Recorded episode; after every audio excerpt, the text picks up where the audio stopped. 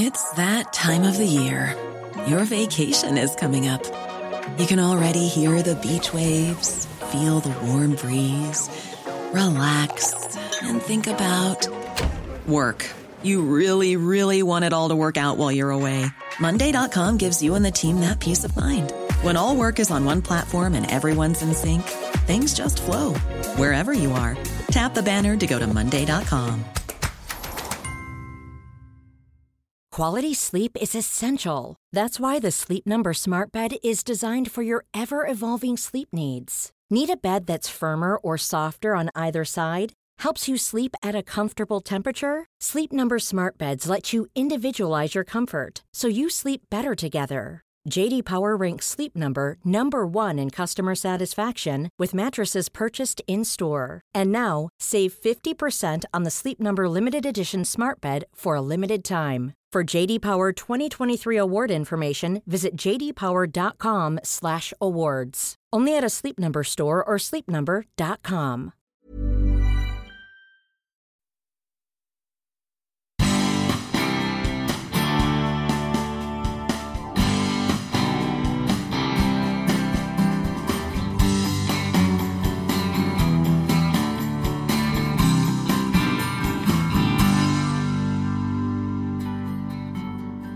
Fördelen, men en fördel är att det lyfts fram, att vi kan, kan debattera det i samhället och att vi, det blir genomskinligt. Vad är vår gemensamma etiska bild kring vad som ska få resurser och inte? Och inte ens jag som håller på med det här varje dag och har gjort det i nästan 30 år kan vet riktigt vad som kommer vara viktigt och vad som händer. Det är klart att det är stressigt och förvirrande. Det verkar som att vi är fullt kapabla att få mening i livet. Även om vi inte piskas till att sätta klockan på sju varje morgon. Det har gått nästan fyra år sedan jag satt med David Fendrich och diskuterade AI i den här podden sist. Då visste nästan ingen vad ChatGPT var och ämnet fanns inte speciellt högt upp på någons agenda.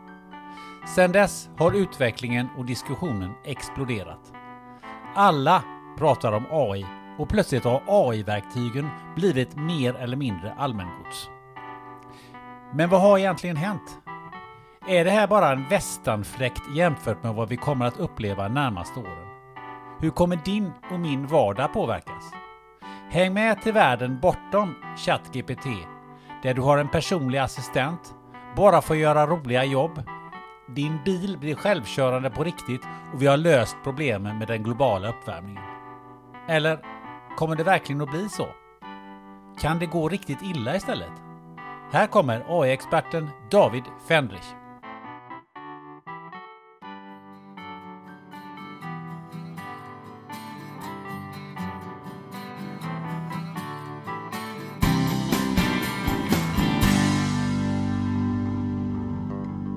Välkommen tillbaka till Badens spännande möten David Fendrich. Tack, tack. Du, det var ju, har jag räknat ut, nästan fyra år sedan vi, eh, vi satt här på 1050 där vi spelar in nu också. Eh, det har hänt lite grann sedan dess va? Ja, det har hänt. Eh, jag minns inte hur mycket jag trodde det skulle hända då, men Nej. det har hänt mycket. Det, jag, jag tänkte börja med ett citat. Du hade en krönika i Breakit för inte så länge sedan. Eller du har flera. Ehm, men då skrev du så här i slutet. Denna krönika är 100% ett resultat av mänskligt hantverk. Stöd din lokala människa. Ehm, och då tänker jag så här, vad, vad menar du med det? Eh, speciellt då. Det, där skrev jag ju någon månad efter ChatGPT som ju kom för ett år sedan, 13 november eh, 2022. Eh, då skulle ju alla testa hur går det att om jag låter ChatGPT eller någon annan språkmodell skriva åt mig.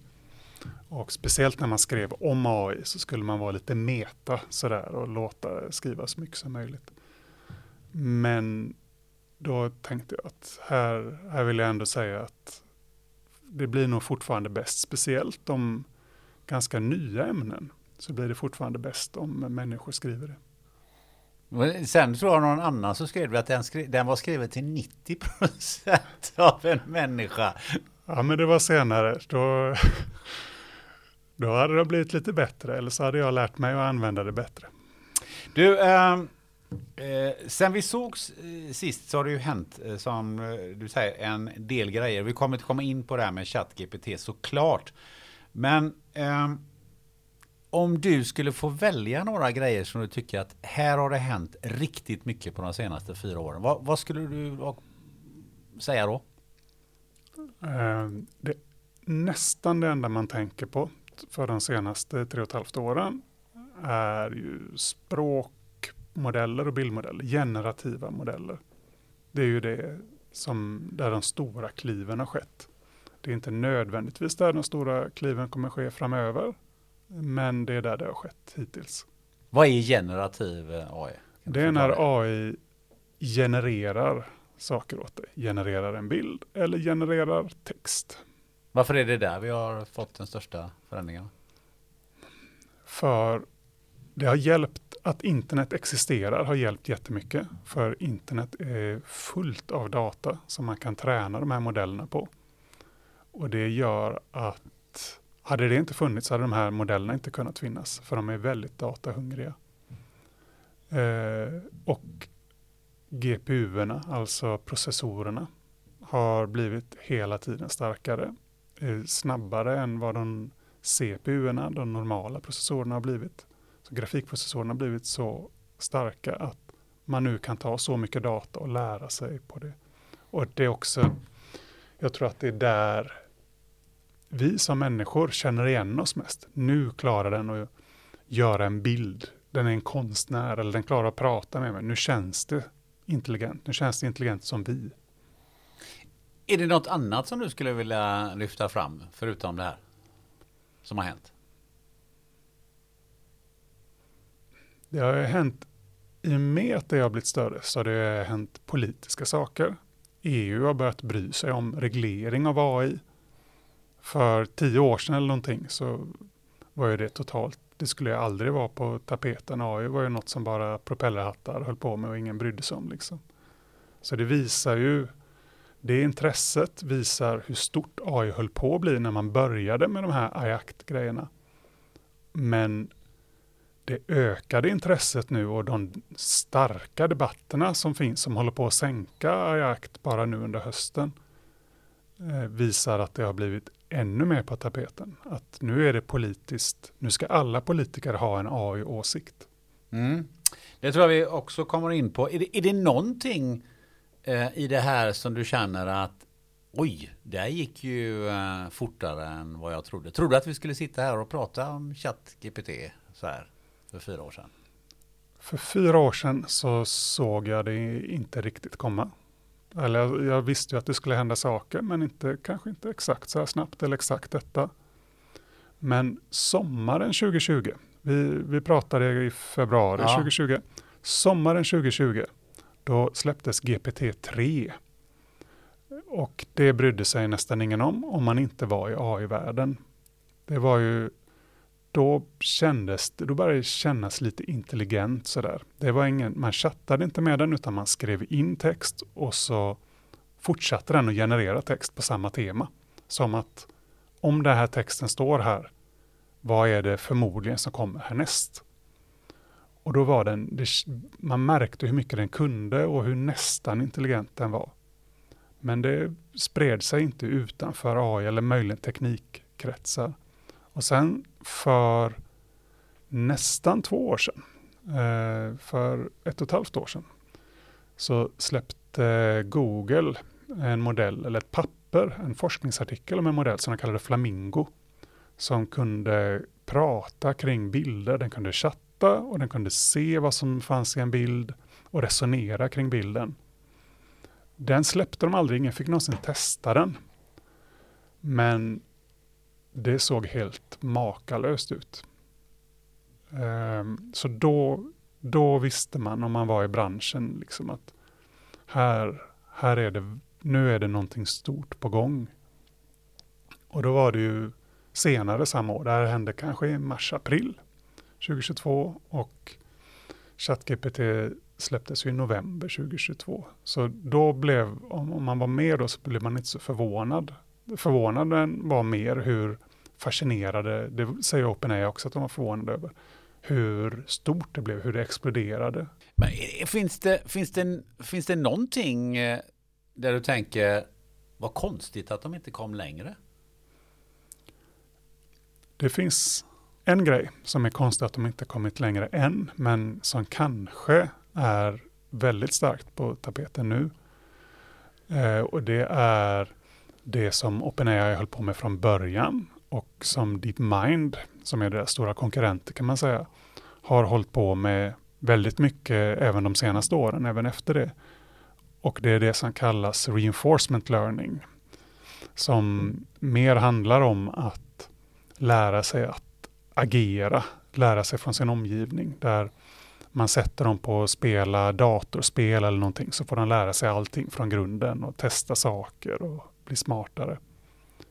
Man fick dem att spela gamla 80-tals Atari-spel och sådana saker. Det kändes som att det var den vägen man skulle komma vidare till sån här riktigt hög intelligens. Varför tog man inte den vägen? Man tar fortfarande den vägen, men det visar sig att det finns så mycket mänsklig kunskap som du inte behöver lära. Man, man kan bli intelligent på två sätt, eller man kan lära sig mycket på två sätt. Det ena sättet är att man är duktig på att experimentera och lära sig. Och det var det man höll på med med de här modellerna, att de skulle vara superduktiga på att experimentera och lära sig själva. Det andra sättet, det är ju att bara läsa i böcker vad andra redan vet. Man kan vara boksmart eller man kan vara smart på att experimentera fram och lära sig själv. Och det man tänkte först var att man, de skulle vara smarta på att lära sig själva. Men det finns så mycket information i böcker och på nätet och, och bilder. Så det var mycket enklare att nå i alla fall en viss höjd. Mänsklig höjd eller nästa mänsklig höjd är mycket lättare att nå om man bara lär sig från vad vi redan har åstadkommit. Om vi tittar på vilken påverkan det här har haft på, på näringsliv, på företag och på, eh, på, på arbetsliv i, i största allmänhet vilka förändringar har vi sett här de senaste fyra åren som är markanta? Samhälle förändrar ju sig mycket långsammare än vad teknik gör. Så först kommer någon i forskningsvärlden och visar det här kan man göra. Och sen så kommer någon, kanske en, en ingenjör och säger okej, okay, om, om man kan göra det här rent akademiskt, vad, kan man, vad är då en tillämpning av detta som någon kan vilja ha? Och sen så ska, om, om någon ska börja använda det, så ska ett företag ta den tillämpningen och tänka nu ska vi göra ett för, bygga ett företag kring det här, göra en produkt, tänka på en prissättning, göra ett gränssnitt. Och sen, eh, steget efter det, så ska early adopters, tidiga användare, börja lära sig vad klarar den av, den här AI-tekniken? När kan jag använda den i mitt eh, arbetsflöde? När har den fel? Det tar tid att lära sig och utvecklas. Och sen efter det så har du organisationen. Hur kan en organisation använda ny teknik och speciellt då AI? Vem, vems budget går det under? Är det lagligt? Hur förändrar, vilka organisationsförändringar behöver vi göra? Så det tar väldigt lång tid att gå från ena sidan på det spektrat till andra sidan. Och då har jag ju pratat runt den konkreta frågan du ställde. Vad har faktiskt... Precis, vad har faktiskt hänt? Ja. Ehm, senaste året så har ju många börjat använda chattbottar, prata med chattbottar. Jag tror att det är ett stort mörkertal. Det är fler som gör det än som berättar att de gör det tror jag. Varför har det blivit sån hype plötsligt eh, kring det? Nu plötsligt pratar alla om AI och, och, och, och ChatGPT. Det var ju ingen som pratade om det för ett, två år sedan. För att den känns så intelligent. Någonting som kan prata med dig via text är väldigt generellt användbart. Du kan fråga om råd till allt möjligt. Jag ska göra ett barnkalas. Jag ska ge julklapp till min fru. Jag ska författa ett marknadsföringsbrev för månaden, ge mig inspiration. Här är någonting jag har skrivit, kan du skriva om det så att det blir lite eh, någonting?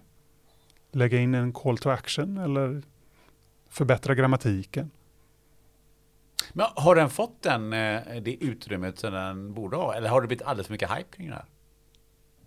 Jag tycker den har fått det utrymmet den förtjänar, mer eller mindre. Du kommer ju alltid ha några som lever på att för all ny teknik säga att det här, detta är det största någonsin och alla använder det för lite och hyr in mig så ska jag berätta eller lyssna på mina nyhetsbrev eller YouTube-kanal eller någonting. Så det är klart att det finns några som de senaste ett året, senaste året har blivit AI-experter och som tidigare var kryptoexperter eller vad de nu var för någonting. Nästa steg har jag förstått så, är, så har du pratat om någonting som heter AI-agenter. Mm. Vi, vi, var inne på det kort här. Va, vad är det för någonting egentligen? Um, det vi har nu, det är en chatbot, någonting du kan chatta med. Vad som skulle vara ännu mer användbart, det är någonting som inte bara kan prata, utan inte bara snackar, utan faktiskt gör grejer också. Eh, och agenter agerar. Det, det, är så man definierar det. Och då finns det en massa saker som man kan se att de inte kan göra idag, chattmodellerna. De har inget minne. De eh, har en kontext så de kan se det som jag pratat om i den här dialogen, men de kommer inte lära sig någonting för framtiden. De har inget långtidsminne av allt som har skett tidigare i andra dialoger. Det är en utmaning, det är någonting som kan bli mycket bättre. De kan inte långtidsplanera. De kan inte tänka många steg framåt och sen börja implementera en plan, få feedback från omgivningen, alltså märka vad som funkar och inte och planera om.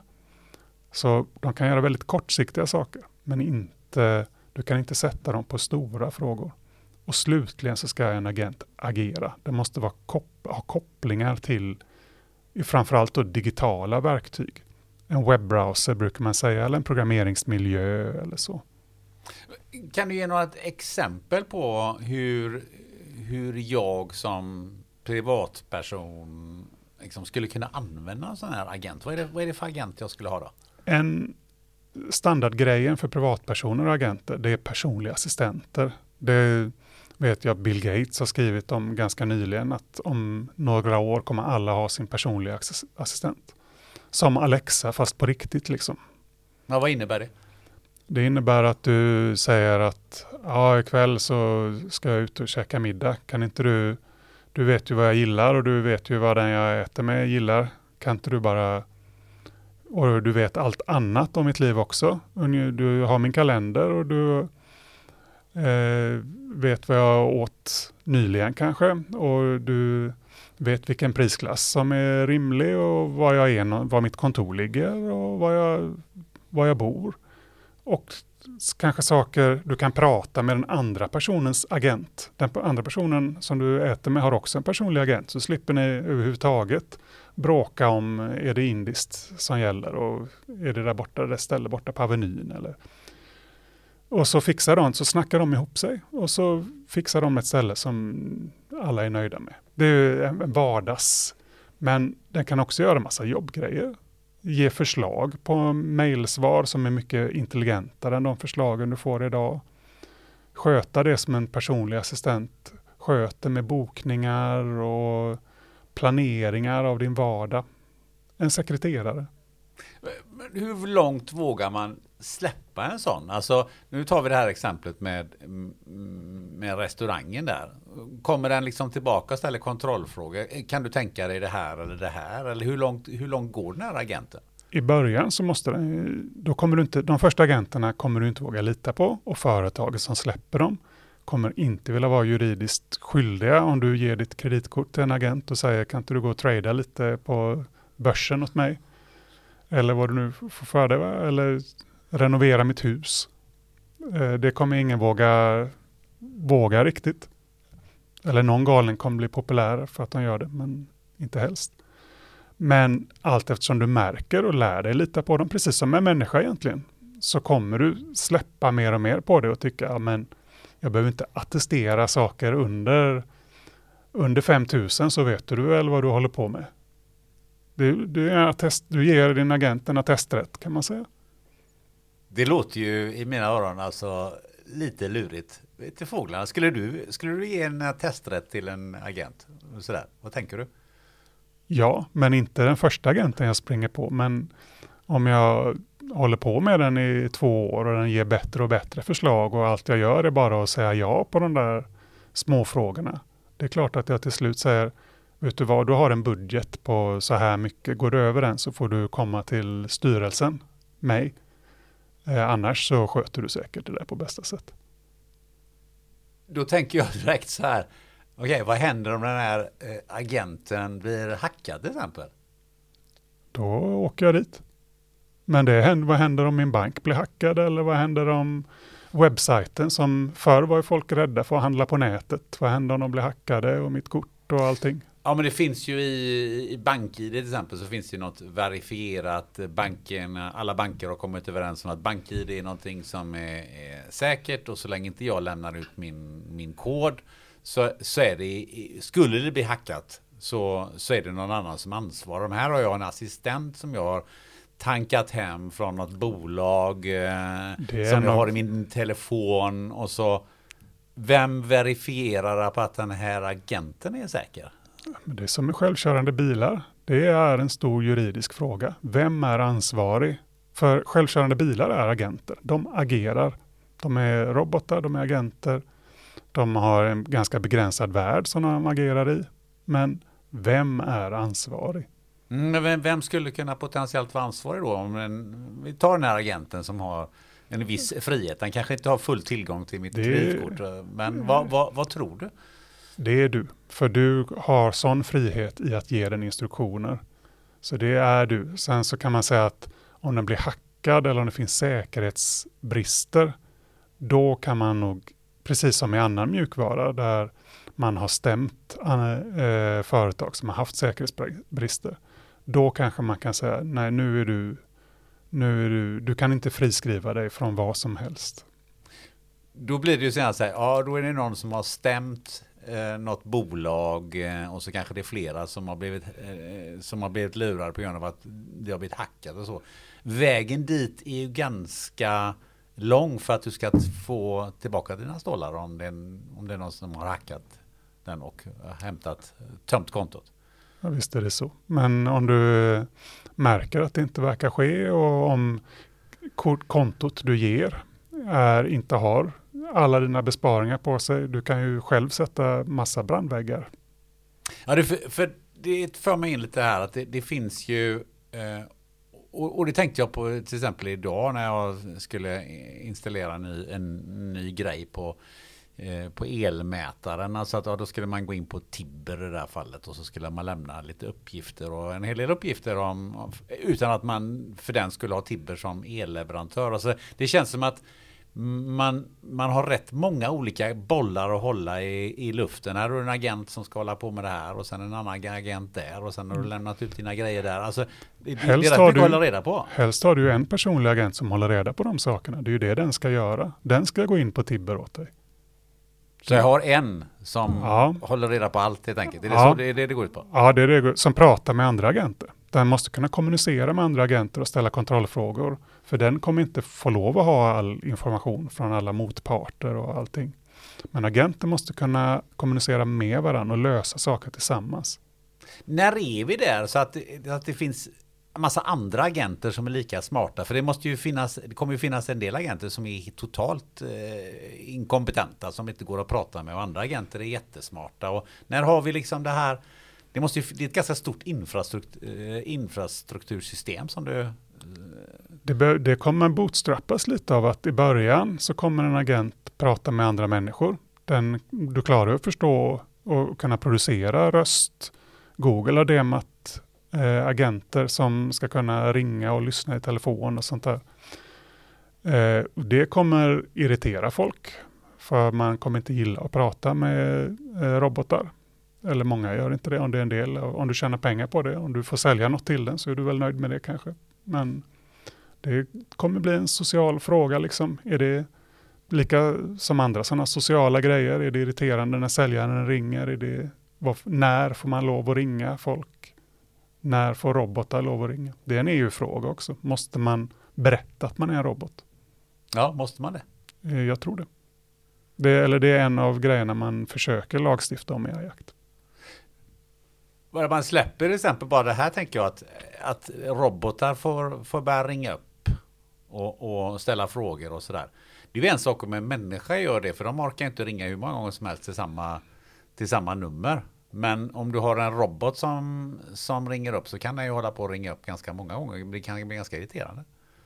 Ja, sådana gränser måste du ha på dem. Så de, de har ju oändlig energi. Så om det sker misstag så vill du ju... En människa kan inte göra hur stora misstag som helst för vi har inte oändlig energi. Nej, hur reglerar vi det? Du reglerar det i en mass, massa steg. Du har rate limits, precis som du har på din browser och på, på många saker i, på internet till exempel. Du, all säkerhet kommer, det är som en lök. Du, måste, du kan inte lita på bara en säkerhetssystem, eller som ett flygplan.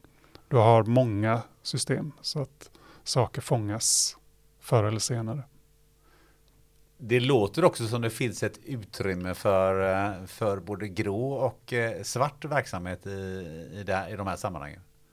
Ja, visst. De, eh, och det har redan börjat användas. Det, det kom ju eh, rapporter om, speciellt på engelska, hur man använder röstgenerering och röstkopiering. Man kan ju göra deepfake som kopierar någons röst med ganska få exempel. För att ringa en vd på ett företag och låtsas vara finanschefen och be om att få en överföring eh, attesterad. Eller att eh, de, man, man har ringt upp eh, kanske någon gammal person, en mormor eller morfar och låtsas vara barnet och bett om en överföring. Så all kriminalitet kan använda nya kraftfulla verktyg. Kommer det att gå dit här också att ja, men då, du litar inte på, på någon riktigt längre. Alltså jag tänker på att eh, idag om du, om du får ett telefonsamtal från en mobiltelefon så är det ju jag har slutat svara och bara svarar att eh, eh, vill du något skicka ett sms, jag är upptagen. Och får jag inget sms så vet jag att det är förmodligen någon som ska sälja något eller någon som, någon som ska lura mig. Och då slipper jag alla de här problemen. Kan det, kan det bli likadana grejer att folk, folks misstänksamhet gör att man faktiskt inte får det genomslaget i, i, i tekniken som man det skulle kunna ge? Jag tror inte det. Jag tror att eh, man ganska snabbt, om, om jag tänker på hur snabbt folk litar på sin mailleverantör och sin mobil och ger all, all sin kunskap, all information om sitt liv till dem. Hur snabbt vi totalt har glömt det bara för att det är bekvämt. Jag tror att vi väldigt snabbt kommer börja lita på våra agenter. Mer än vi litar på andra människor som, in, som vi inte är säkra på är på vår sida. Fast är det så? För att eh, eh, det är många som jag har hört som jag pratar med som börjar bli så här, nej men jag eh, min, min son till exempel, han säger men jag vill inte ge mitt, eh, att öppna telefonen med, med, eh, med min ögonkontakt. Det, det gör jag inte, jag slår alltid in koden. Alltså jag gillar inte den, ska inte ha för mycket information om mig. Det känns som att det finns någonting som är en motrörelse där som man bara funderar på om man ska ge all information till Facebook och till... Min uppfattning är att den var mycket starkare för. Det är det? Ja. ja. Ja, det ska bli intressant. Det ska man diskutera med, med någon faktiskt. För det, det känns som att en del är att man höjer integriteten. Man, man lämnar inte ut till telefonen på samma sätt som man gjorde förr till exempel. Min uppfattning är att det enda sätt, anledningen till att man överhuvudtaget märker det är att företag och dina grejer ber om mycket, mycket, mycket mer än de gjorde för 20 år sedan. Så procentuellt sett kanske folk, men i absoluta tal så ger du ifrån dig oändligt mycket mer information. Du har GPSen påslagen. Någon vet exakt var du är hela tiden. Mm. Till exempel jag, jag, din mobilleverantör. Nej, men jag håller med om det. det. Det finns en bekvämlighetsfaktor i det där. Det är mycket lättare att öppna mobilen genom med ögonigenkänning än att slå ja, Ögonigenkänning, det spelar väl ingen roll. Men överallt där du har mobilen påslagen så vet ju många företag bara på vilken mobilmast du är ansluten till, vad du är hela tiden och de får lov att sälja vidare den informationen. Det är en, ingen bryr sig om det, det är en situation som inte fanns förr. Så vi har totalt lämnat integritet. Vad, vad tänker du själv om det? Du som är djupt insatt i hur saker och ting funkar. Det är inte bekvämt att eh, stå emot. Och det kommer vara samma sak med agenten. Det kommer inte vara bekvämt att stå emot. Om, de, om det verkar fungera och tillräckligt många andra gör det så kommer det vara en samhällsfråga att men det här är nog ett system som det kommer inte paja helt och hållet. För det kommer vara så praktiskt att ha någon som sköter alla och förhandlar om dina elavtal och dina banklån med en annan agent. Allt sånt. Det, varför ska du hålla på med det? Ja, för att slippa lämna ut allting till den här agenten. Som möjligtvis kan bli hackad. Det kan din mobil också. Ändå har du dina mejl och allt möjligt där. A lot can happen in three years. Like a chatbot may be your new best friend. But what won't change? Needing health insurance. United Healthcare Tri-Term Medical Plans, underwritten by Golden Rule Insurance Company, offer flexible, budget-friendly coverage that lasts nearly three years in some states. Learn more at uh1.com. Hey, it's Ryan Reynolds, and I'm here with Keith, co-star of my upcoming film, If, only in theaters May 17th. Do you want to tell people the big news?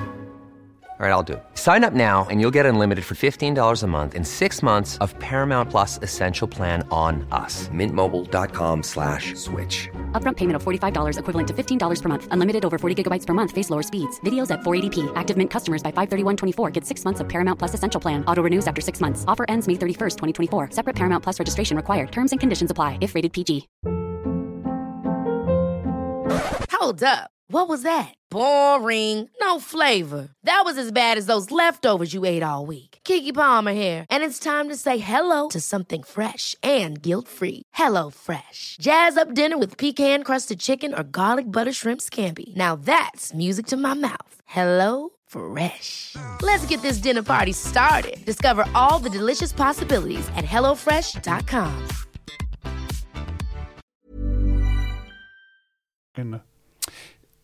Du sa någonting, självkörande bilar. Eh, som, som, är, som tar en massa eh, beslut. Hur långt har man kommit när det gäller självkörande bilar?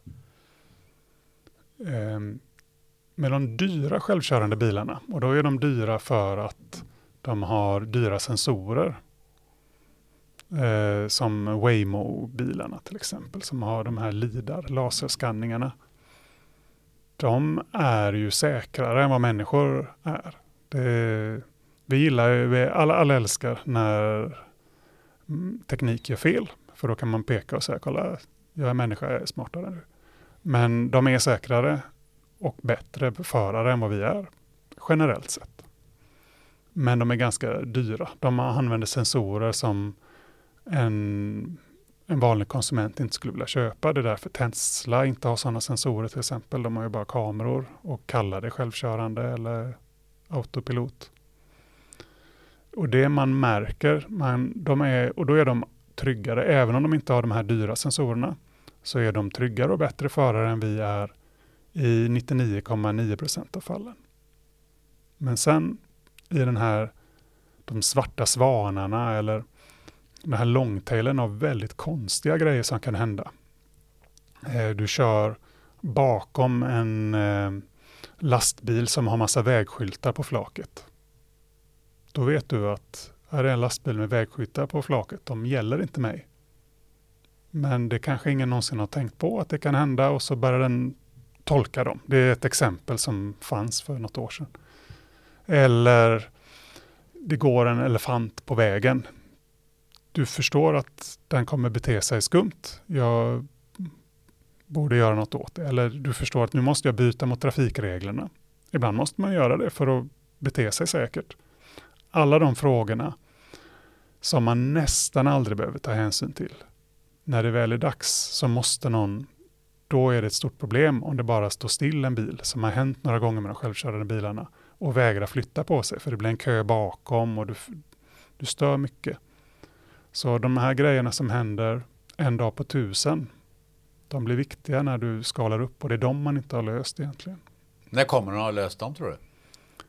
Då behöver du, du kan lösa den på ett av två sätt. Du kan lösa det så som man tänker med lastbilar, att så länge du har eh, täckning så kan jag gå in, så kan en människa gå in och remote styra och fixa när någonting, när den blir förvirrad. Om det händer tillräckligt sällan så är det ändå värt att göra det. Då måste du alltid ha mobiltäckning så att någon kan göra det. Men till slut så är det tillräckligt säkert som fordonet är. Att till slut så stannar ju fordon också för att de är, går sönder. Eh, det andra sättet att lösa det kräver generell intelligens, det man kallar AGI ibland. Alltså att man förstår lika mycket som en människa om samhället som helhet. För det gäller att man tar hänsyn till allt som en människa kan behöva ta hänsyn till. Och det kommer ta några år. Det kommer att ta ett tag innan vi har de här självkörande bilarna i samhället där vi egentligen inte är förare själva. De finns ju på några ställen, så på test på några ställen, men det kommer ta ett tag. Ja. Um om vi tittar lite på eh, om man skapar allt det här så skapar man ju också att man slipper göra saker. Ehm, och man slipper göra vissa, vissa arbeten. Vilka arbeten är det som eh, har försvunnit och som kommer att försvinna i det närmaste? Jag vet att vi sist så pratade vi rätt mycket om de här eh, arbeten i tillverkning, i lagerhantering och så vidare. Men jag tänker på ChatGPT och så vidare. Alltså att det finns, måste ju finnas rätt många som håller på att tolka text eller skriver text.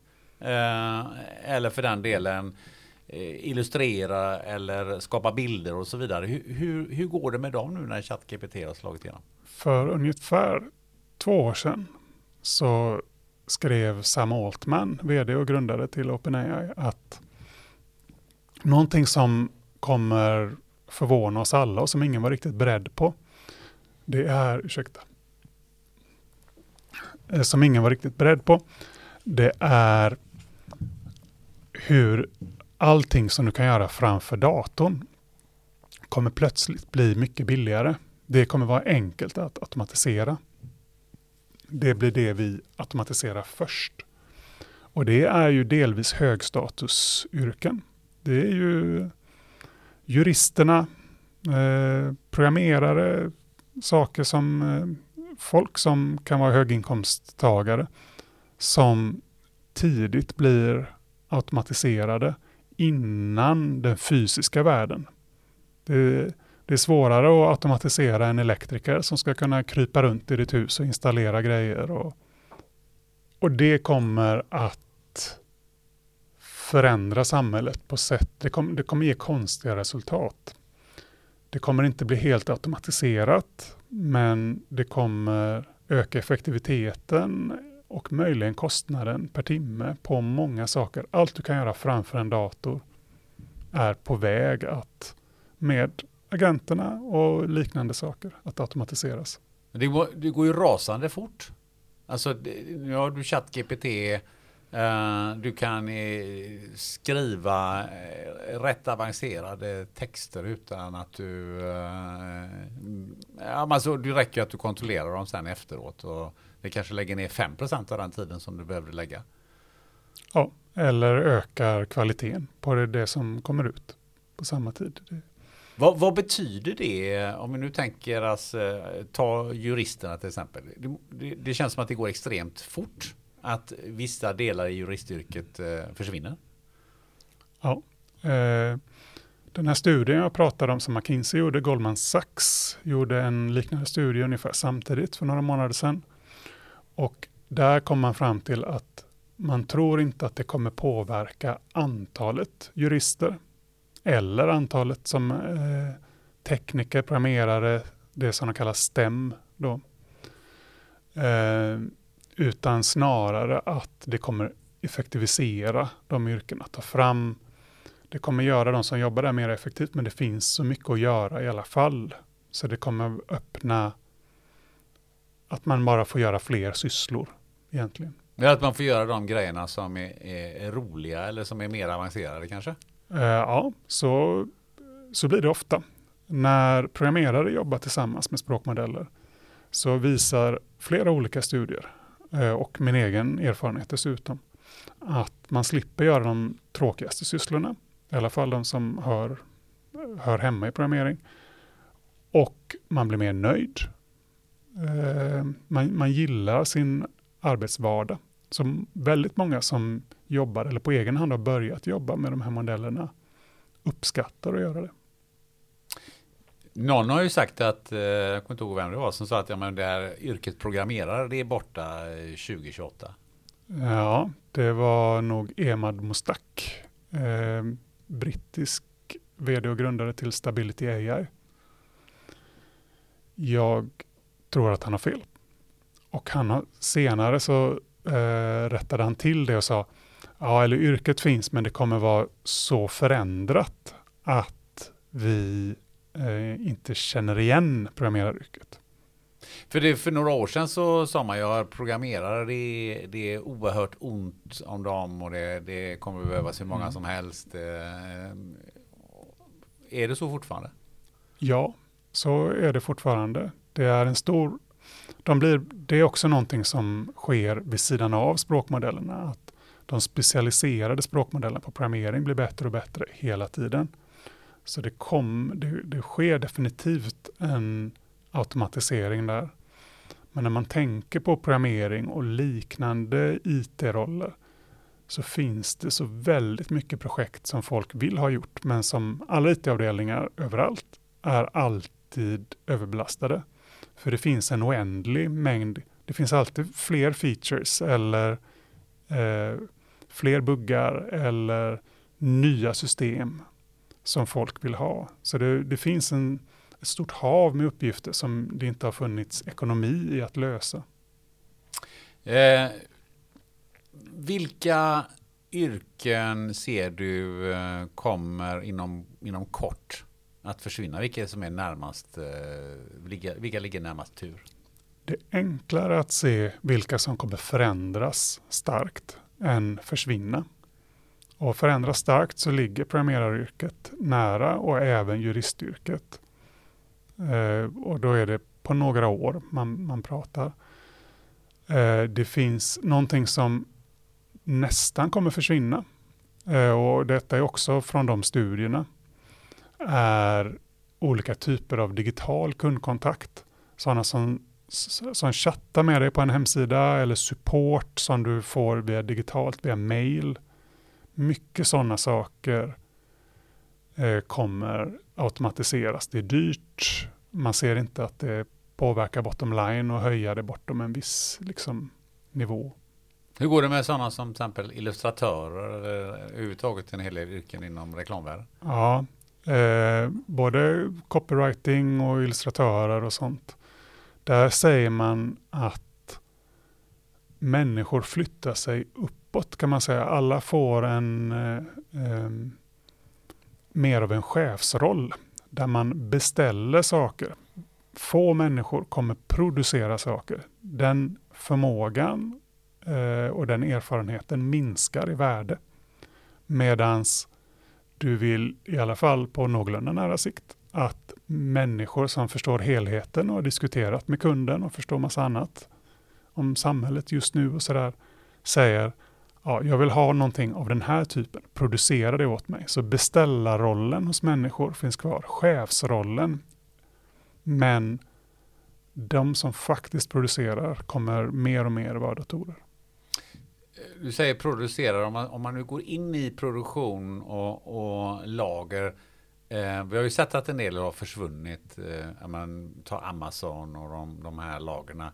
Eh, är vi dit här att lager, lagerarbetare, det, det kommer vara försvunnet inom en rimlig tid? Det är ju inte min eh, samhällsexpertis exakt vad som sker på till exempel ett lager. Men där automatiserar man mycket. Robotar blir bättre. Det är ju en fysisk uppgift och robotar kommer ligga och halka efter den digitala vardagen, men de blir också bättre i en sådan hastighet att mycket mänskligt kommer bli ersatt på ganska kort sikt. Och där finns det nog, till skillnad från programmeraryrken och legala yrken, så finns det nog inte oändligt med arbetsuppgifter när man väl har löst och får ut och in paketen så kanske man är nöjd. Och, och det får för mig ju osökt att tänka på just att det som produceras, om det inte är människor som producerar, utan maskiner bara eller robotar, då behöver vi inte heller köpa grejerna från Kina eller från Indien eller från andra sådana länder där det traditionellt sett har varit eh, en mycket lägre arbetskraftskostnad. Hur kommer det att påverka? Så är det förmodligen. Eh, Sverige har traditionellt legat väldigt långt fram i automatisering för att vi har haft höga lönekostnader, framförallt för det man skulle kalla låglöneyrken. Så för att kunna konkurrera har svensk industri haft väldigt hög automatisering, vilket har hjälpt att driva den tekniken framåt i Sverige. Det har varit bra för oss på ett sätt. Och det påverkar definitivt. Det finns många, Indien är ju fullt av bolag med dussinprogrammerare, programmerare som har gått några enkla kurser och sen ganska billigt hyr ut sig. Och de eh, företagen, de har nog lite panik nu. Och det finns också liknande företag som sköter olika typer av OCR-sysslor, alltså läser av fakturor eller läser av andra eh, papper och, och, och, liknande och för in det digitalt. Det blir datorer också eh, nästan bättre än människor på nu. Om jag tänker också produktion av fysiska produkter. Alltså Eh, du kan ta hela konfektionsindustrin. Ja. Alltså det finns ju ingen anledning att producera eh, kläderna i, i, Indien eller Pakistan om, om du lika gärna kan producera dem i, i Sverige om det är en, en maskin som producerar dem. Förmodligen eh, minskar de, eh, så länge du har råvara nära dig, så minskar de eh, den, eh, den trenden också. Sen så är det väl, man ska veta att det är väldigt billigt och effektivt att frakta. Det är en låg kostnad och en låg miljöpåverkan för frakter på ett skepp eller någonting är en väldigt liten del av eh, produktion. Ja, fast här finns det ju då saker som man slipper. Man slipper eh, väntetiden att, att eh, frakta i 40 eller 50 dagar som det tar eh, för en container att komma hem.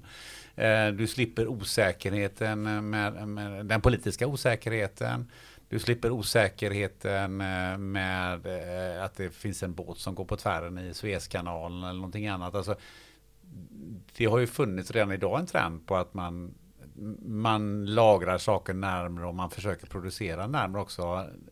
Det borde väl rimligtvis vara så att, att vi blir mer och mer intresserade av att producera hemma, för det vet vi, vi har ju koll på det, det borde, det borde vara rimligt. Det enda jag ser egentligen som är nackdelen är att du, skalfördelar finns alltid kvar. En större och dyrare och mer effektiv maskin hjälper den som producerar i miljontakt. Då kanske det tar tid att nå ikapp sådana skalfördelar.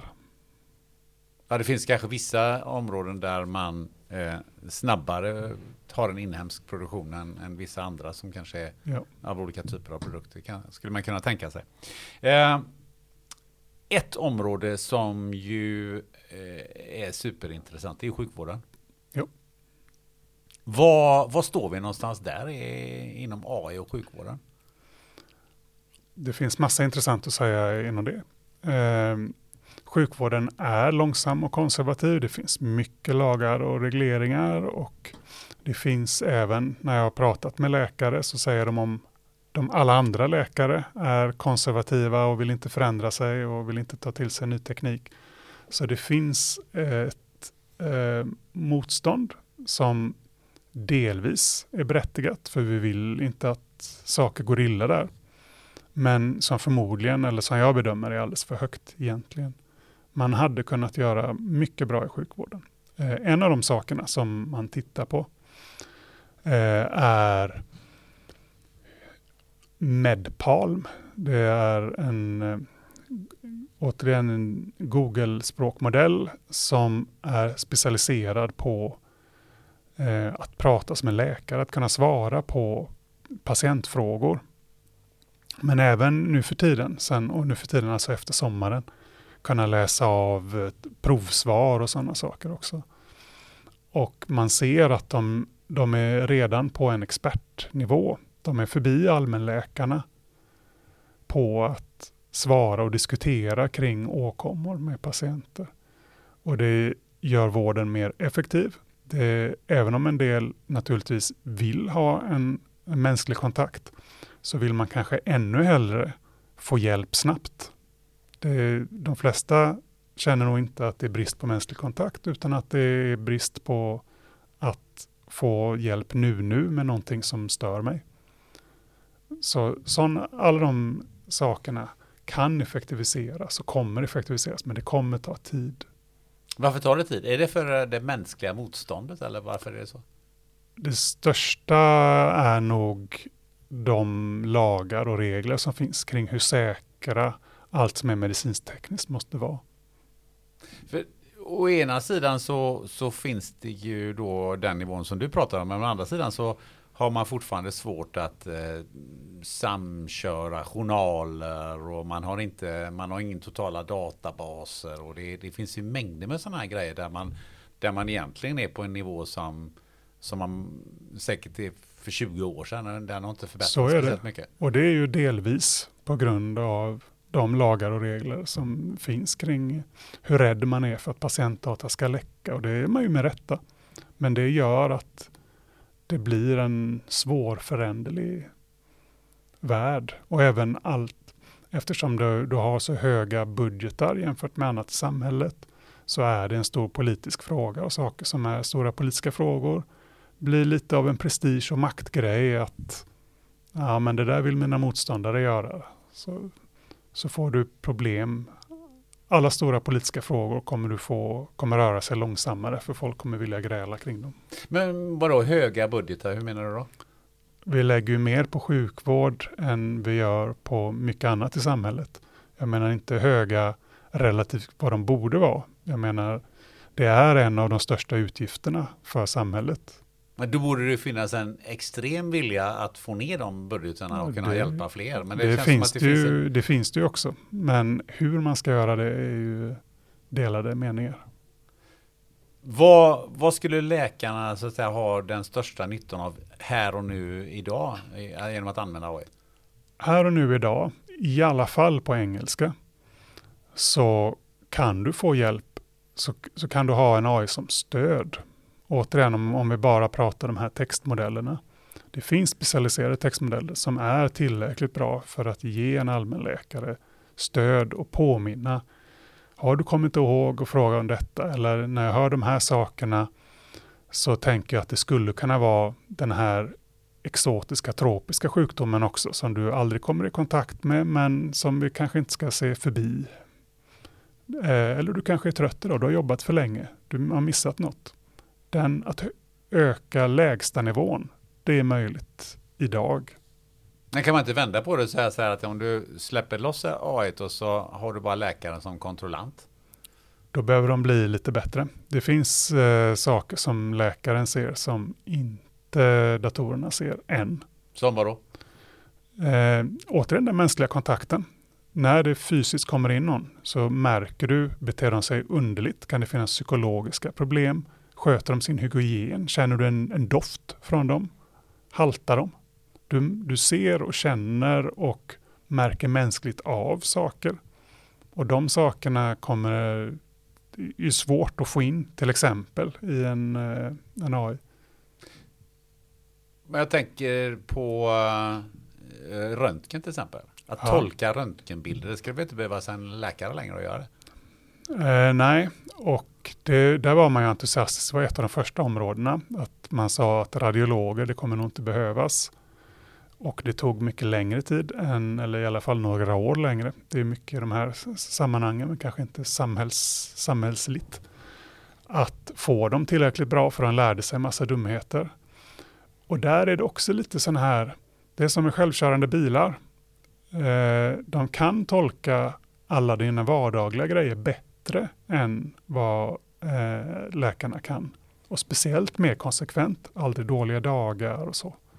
Men en gång på tusen så ser du något skumt och så tänker du, men den här patienten, någon har ju tappat sin armbandsklocka när de opererade dem. Eller jag, jag känner igen någonting på den här bilden som inte din röntgenmodell någonsin har blivit tränad på. Och att känna igen de sakerna, de här riktigt skumma grejerna, eh, som man behöver en helhetsbild och förstå nästan hur människor och samhälle funkar. Då behöver fortfarande någon som övervakar och slänger en snabb blick. Men kan inte ett AI säga eh, ja men här är någonting som är skumt. Alltså någonting som är utanför fullständigt. Ja. ja men den känner igen cancer och den känner igen massa massa saker så här. Men sen är det som du säger, det finns plötsligt en armbandsklocka i eh, magen eller vad det nu kan vara för någonting. Att den liksom bara reagerar här är något skumt eller lika väl som den där bilen som stannar för att den ser en ja. skylt på en, på en annan bil. Att lära sig, så är det definitivt. Och att lära sig jobba tillsammans med AI som medarbetare, det är, en, det är någonting som inte bara är en teknisk fråga utan en, dels en laglig fråga. Vad, vad vågar vi tillåta och vems fel är det och allt sånt där. Men det är också en erfarenhetsfråga. Var ska vi sätta gränsen? När? Hur, hur många gånger ska den skrika här är det någonting när det inte är det? Hur många falska positiva ska den ge? Men att den säger till när någonting inte ser ut som det har gjort tidigare, det är ett vanligt sätt att samarbeta med AI-lösningar. Ja, för menar, läkare och sjukvårdspersonal gör ju fel varje dag. Ja. För att de, du sa att de är trötta eller ja, det är något, något annat. Eller? Ja. Det finns ju... Några är, inkompetenta kan man tänka. Och några kanske är inkompetenta. Men det, det finns ju som vilka andra yrken som helst. Så, så måste man väl även inom AI då to, måste man inte tolerera en viss felmarginal där också då? Egentligen, rent matematiskt så måste man det. Eh, och man bör göra det för att det kommer rädda liv och öka välmående. Om, så länge man kan visa att den är klart, att felen är mindre kritiska eller klart färre än vad människa producerar. Men det kommer det har visat sig till exempel i självkörande bilar att vi ställer mycket högre krav på tekniska lösningar än vi gör på människor. Ja, för jag tänker det om en, ett AI gör fel en gång på 10 000 säger mm. vi och så gör en läkare fel en gång på 1000 bevisligen. Är det så att då vi inte accepterar att, att AI gör fel en gång på 10 000, det accepterar vi inte, men att en läkare gör fel på en gång på 1000, det, det kan vi tänka oss. I vissa sammanhang så är det så. Det, fin och det finns, eh, dels så finns det någon slags, återigen sådana här grejer, vi gillar när, och, och peka och skrika när teknik gör fel. Eh, för att vi är så beroende av det och det, men också för att framhäva oss som speciella som, som människor. Det, det är definitivt så. Sen så finns det riktiga anledningar kring det. Vi vet att de felen som läkare gör, de är vi rustade för. Vi har lite skyddsnät, inte perfekta på något sätt, men i samhället. Vi vet ungefär vilken typ av fel som människor gör. Det finns några skyddsnät kring det läkare kan stängas av om du får tillräckligt många varningar och vi vet ungefär eh, felen som, som kan ske. Vi har tillräckligt mycket data på det. Om en dator kommer in och gör nya typer av fel, det verkar som att de är färre, det verkar, allt verkar bättre, så kommer de ändå vara av ny typ. Och vi kommer inte, det kommer ta ett tag innan organisation och samhälle har bestämt sig hur hanterar vi den nya typen av fel. Återigen, vem är juridiskt ansvarig? Vem kan jag skälla på? Den människan som faktiskt råkade ut för någonting, vad ska de göra? Och hur känns det? Hur känns det att det inte ens finns någon att skylla på? Allt det här sagt då, eh, vad tror du? Kommer vi få en bättre vård framöver? Och då tänker jag inte bara att vi får säkrare Eh, kontroll på röntgenbilder utan mer kanske att får vi fler människor som får tillgång till bättre vård med hjälp av AI? Ja, det, det är jag ganska säker på. Varför då? Möj, möjligen så får du, eh, så är det så att ökad effektivitet i vården gör att man drar ner budgetar så att du får ungefär samma vård som du får idag det, men åtminstone mycket billigare för samhället. Så, men det är ju mer en, en, fråga utöver. Vård per krona kommer bli billigare och bättre när du klarar att automatisera många av sakerna som görs eh, manuellt idag. Vilket ju för in en på det här med den etiska delen av det här. För någonstans fin finns det en begränsad resurs och så har du ett AI som räknar ut hur den här resursen ska fördelas. Och det betyder att det är någon som kanske inte får den ja. resursen. Hur, hanter, hur hanterar man det? Det är någonting som förmodligen så finns det eh, det finns formler kring det redan idag som man försöker använda. Sådana här eh, quality of life years och sånt som man försöker bedöma vårdeffektivitet i. Där man, om du kan rädda livet på någon som är yngre och kommer förmodligen kommer ha långt friskt liv, så prioriterar man dem framför att rädda livet på någon som kommer leva ett år till för att de ändå kommer dö av cancer eller är gamla eller så. Så det finns ju sätt, man måste ju redan idag när man tar beslut på något sätt räkna kring människoliv och vad prioriterar vi framför annat. Fast om ett AI gör det så kan vi ju göra det med mycket större precision med ja, många fler människor. Man... Och då, då råkar man ju in i de här etiska problemen, för idag är det lite ja. dolt sådär. Ja, och det tycker jag är dåligt. Jag ser det nästan som en, en av inte den största på något sätt fördelen, men en fördel är att det lyfts fram, att vi kan, kan debattera det i samhället och att vi, det blir genomskinligt.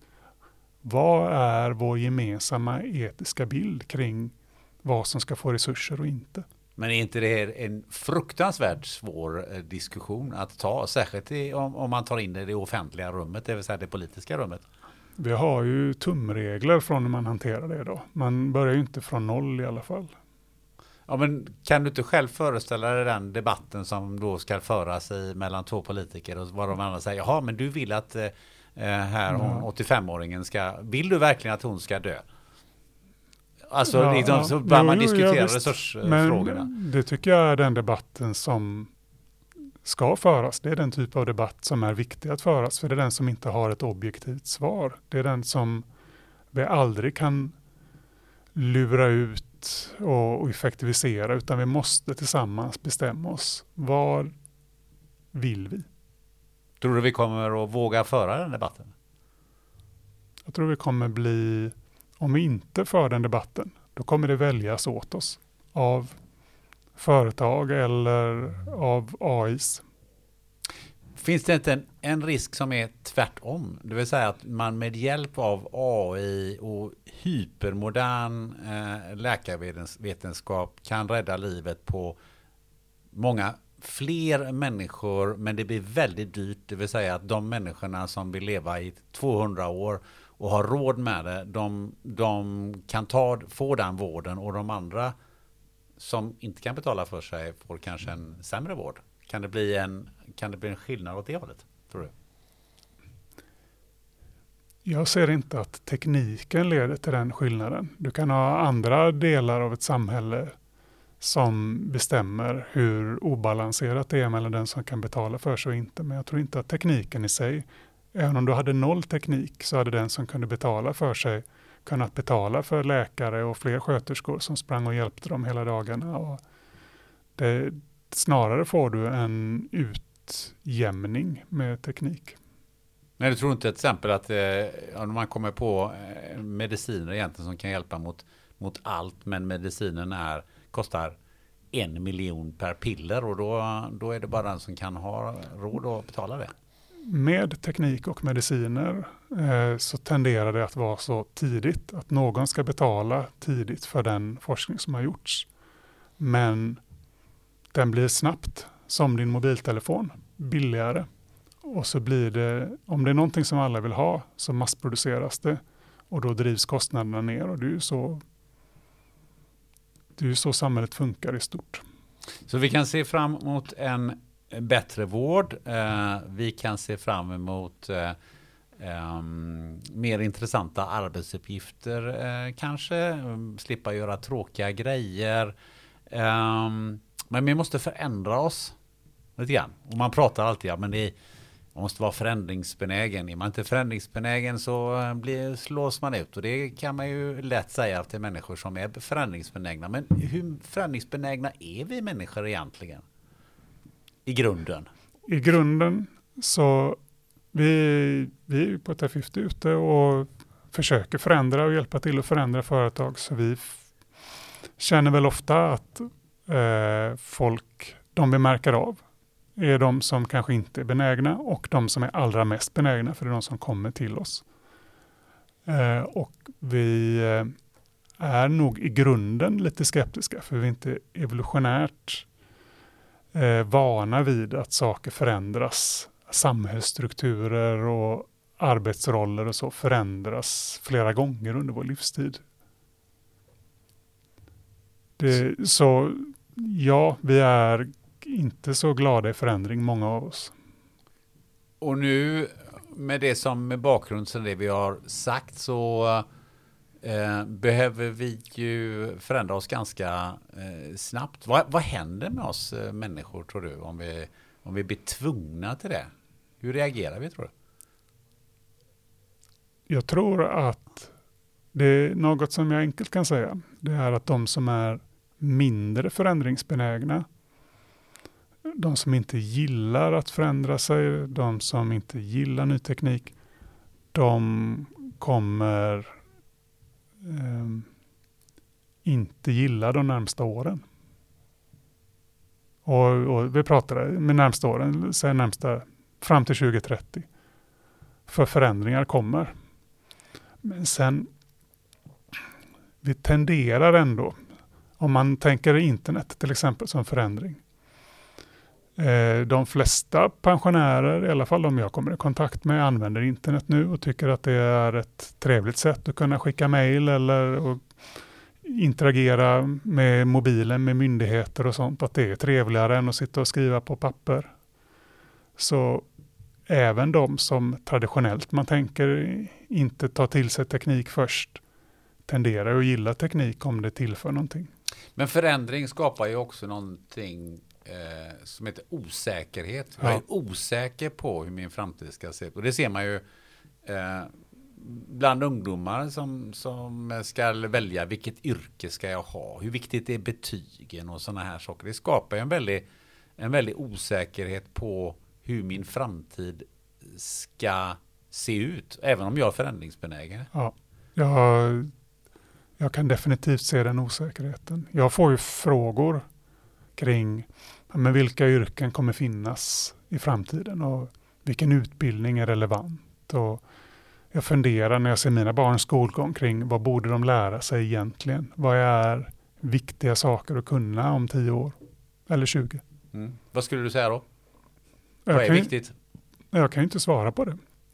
Och inte ens jag som håller på med det här varje dag har gjort det i nästan 30 år kan vet riktigt vad som kommer vara viktigt och vad som händer. Det är klart att det är stressigt och förvirrande.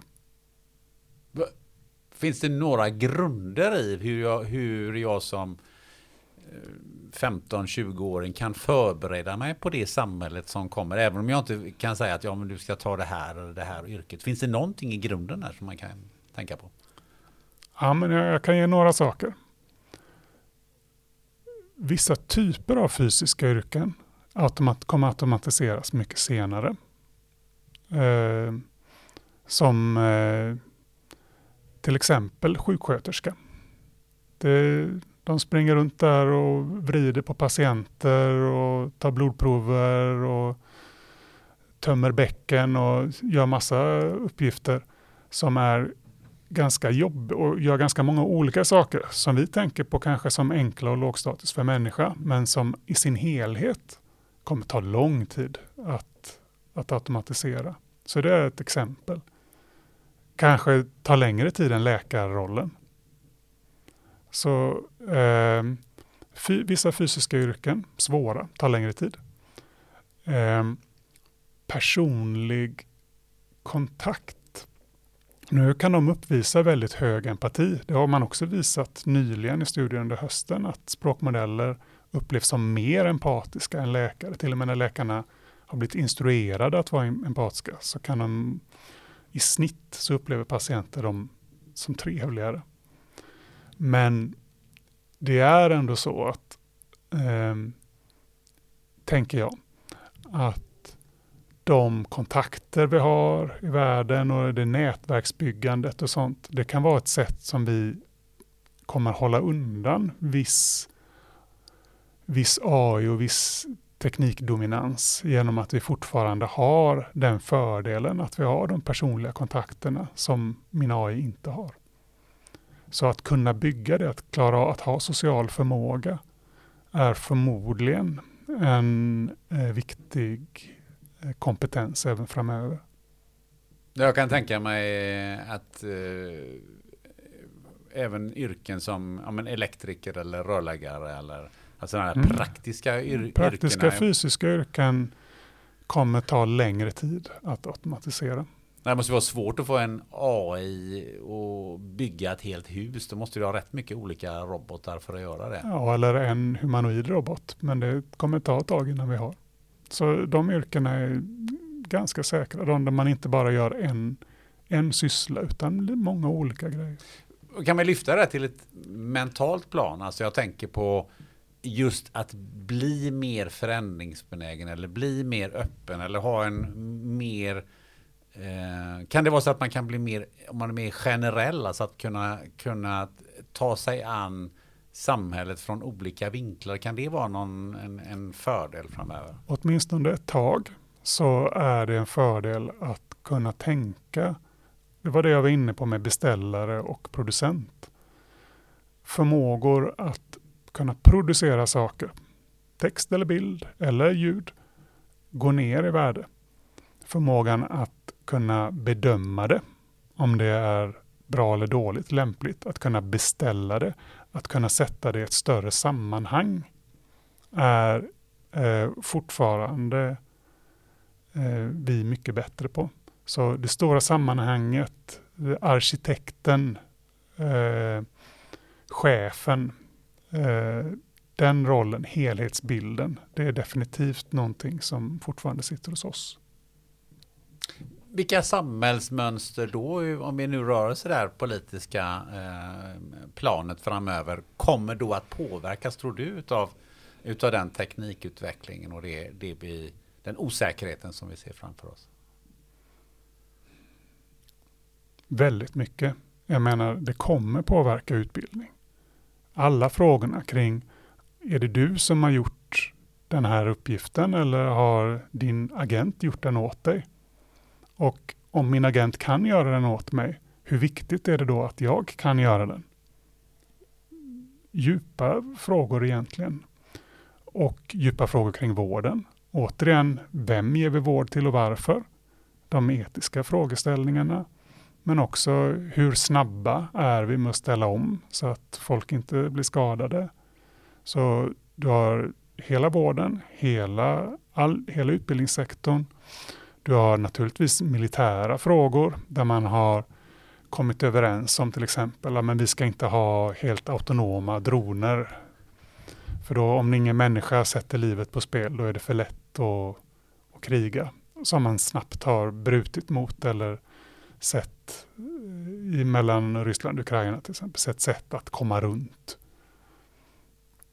Så det militärt sett så kommer ju det AI och framförallt när den fysiska närvaron i AI kommer, som är ytterligare tio år bort kanske. Det är då vi kan se de, de humanoida eller att, att robotarna, AI börjar komma in i, i vår fysiska värld tidigast, skulle jag säga. Så alla delar av samhället nästan berörs av, av de här förändringarna. När du mekaniserar och automatiserar intelligens, då är det ju allting vi rör vid som man börjar tänka, kunde detta blivit bättre eller mer effektivt om eh, min assistent gjorde det istället? Vilka spänningar tror du då det här kommer medföra i ett samhälle? Du har de som kontrollerar de här kommer ha mycket makt. Du, du har en kommersiell, dels bara vilka som säljer dem men också vad, vilka värderingar dina assistenter och agenter kommer ha. Eh, och alla de här etiska frågorna också. Så du har spänningar kring vem kontrollerar? Vem reglerar? Vilka lagar har vi? Det blir ju redan nu och vi har inte sett någonting än. Om, om man säger så här, det vi har sett med ChatGPT och hypande och snackande, det är verkligen bara början. Det, det har inga, visar inga tecken på att avstanna vad de klarar av och vad de kommer fortsätta, förbättringarna som kommer fortsätta att ske. Kommer vi att ha människor som marginaliseras eller kommer det bli större, större grupper som marginaliseras i ett samhälle utav det här? Det är en risk och det är en risk man måste ta på allvar. Men det kan gå åt två håll.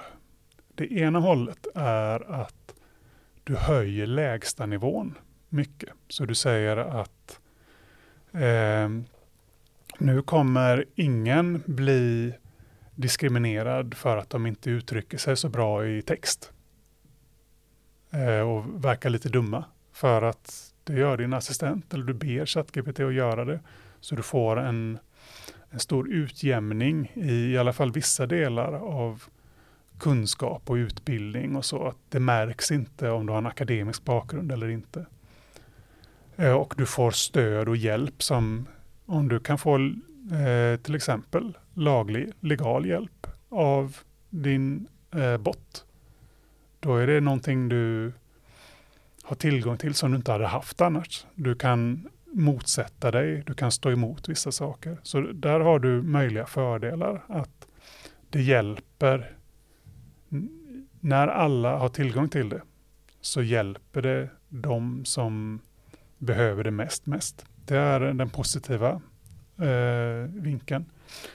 Den negativa vinkeln är att om du klarar att automatisera mycket, då blir de sysslorna mindre värda.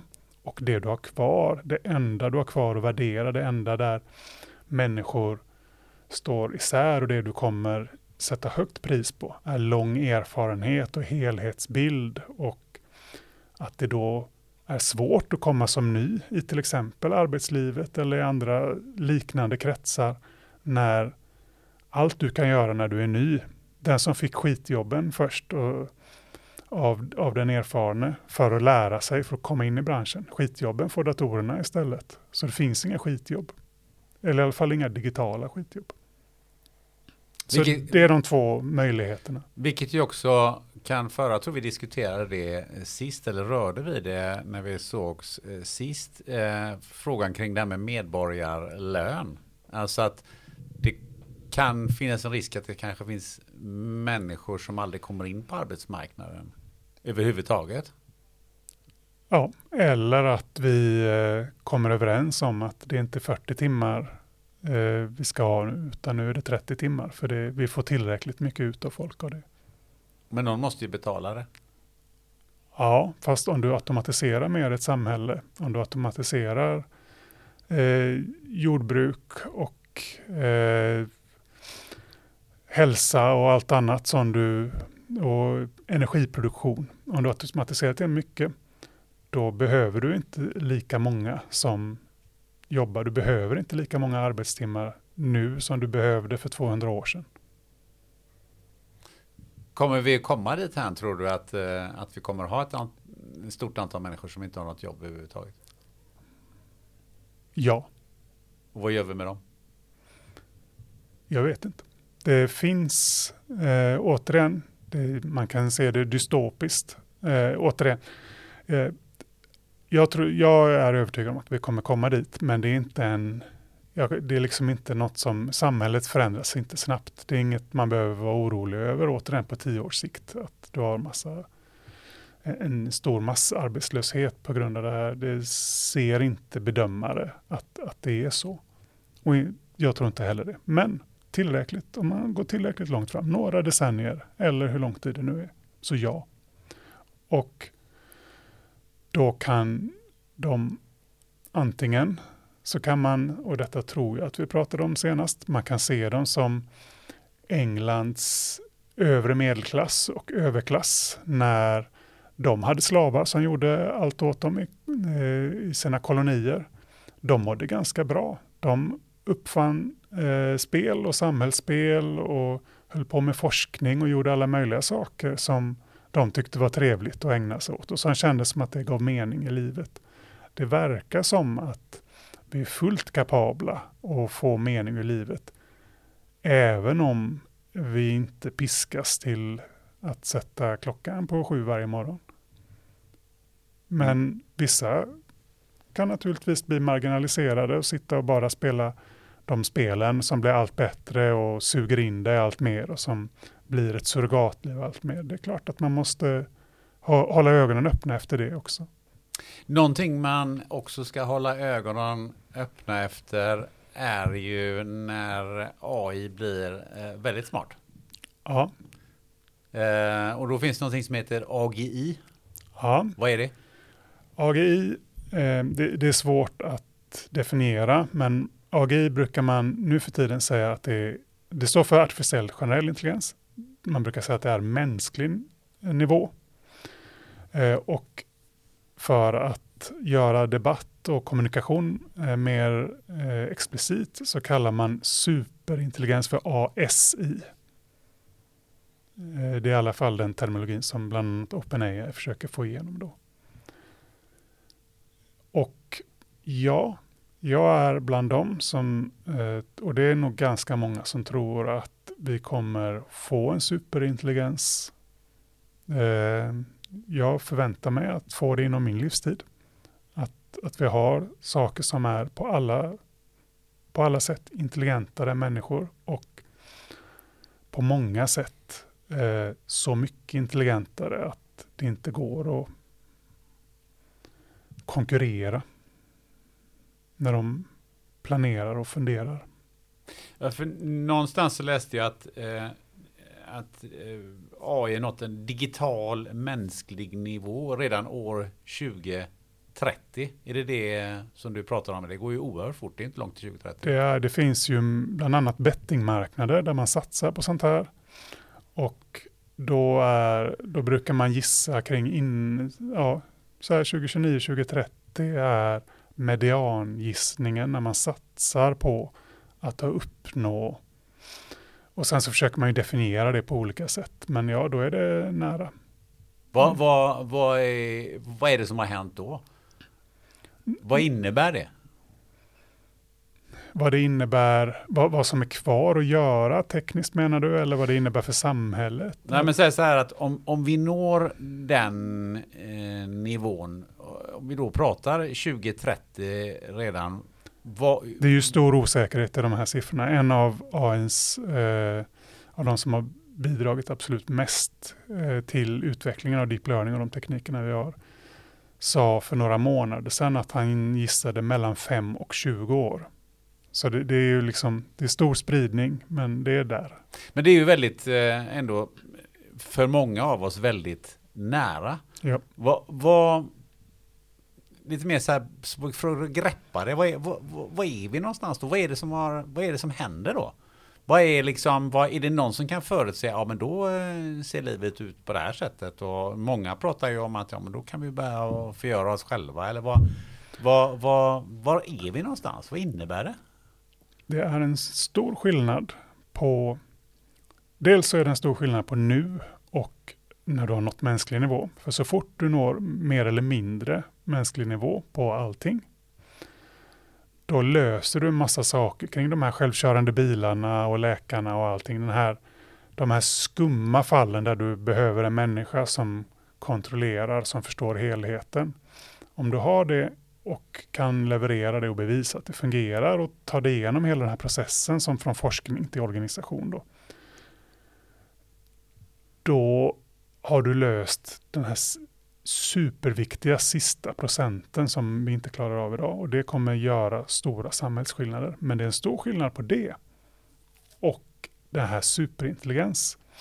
För att så som intelligens produceras idag med de här generativa modellerna som jag nämnde i början är genom att den kopierar mänsklig intelligens. Den lär sig all mänsklig kunskap. Så du kan nå mänsklig expertkunskap inom alla områden och då blir du ju superintelligent på ett sätt. Men på det sättet, på exakt det sättet som man gör idag, så kommer man inte nå så långt bortom mänsklig expertkunskap. Du kommer inte ha med en, det kommer inte vara, kännas som en rymdvarelse på samma sätt, utan det kommer bara kännas som en extremt kompetent människa. Så du behöver, det behöver ske genombrott och nya tekniker innan du får det här superintelligenta som är på en helt annan nivå. Och om man når dit så är det, då är det svårt att säga vad som sker härnäst. För det har så mycket att göra med vem kontrollerar en sådan intelligens?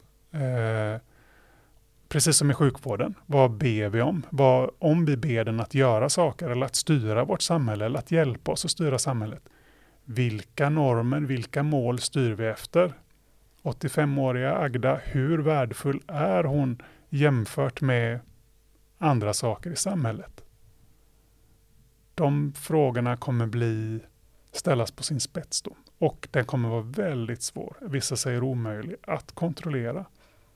För att eh, den kan så lätt manipulera oss om den får för sig att, att det gynnar oss på något sätt. Det finns ju en hel del eh, eh forskare och, och, kunniga människor inom AI som exempelvis Max Tegmark som har gått ut och sagt att ja, det är 50 procents eh, risk att mänskligheten förgör sig själv. Ja, det är, där finns också mycket att säga om och är ett viktigt ämne tycker jag. Man kan säga att inom AI-världen så har du tre grupperingar.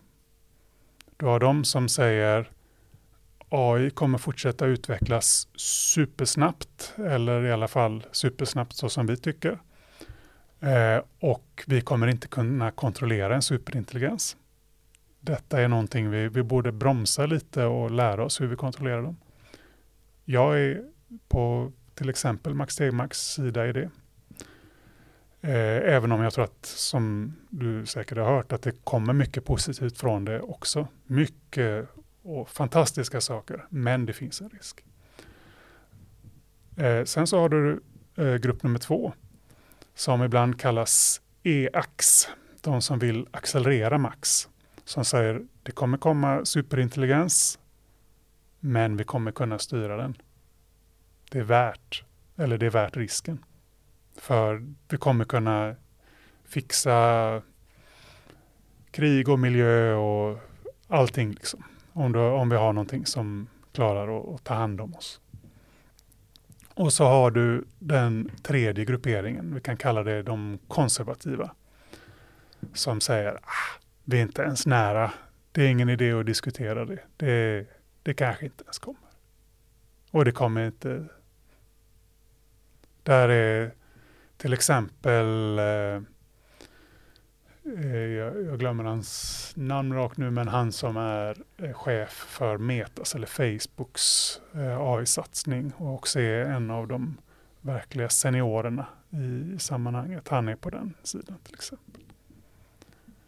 Um, ja, det är de tre grupperingarna.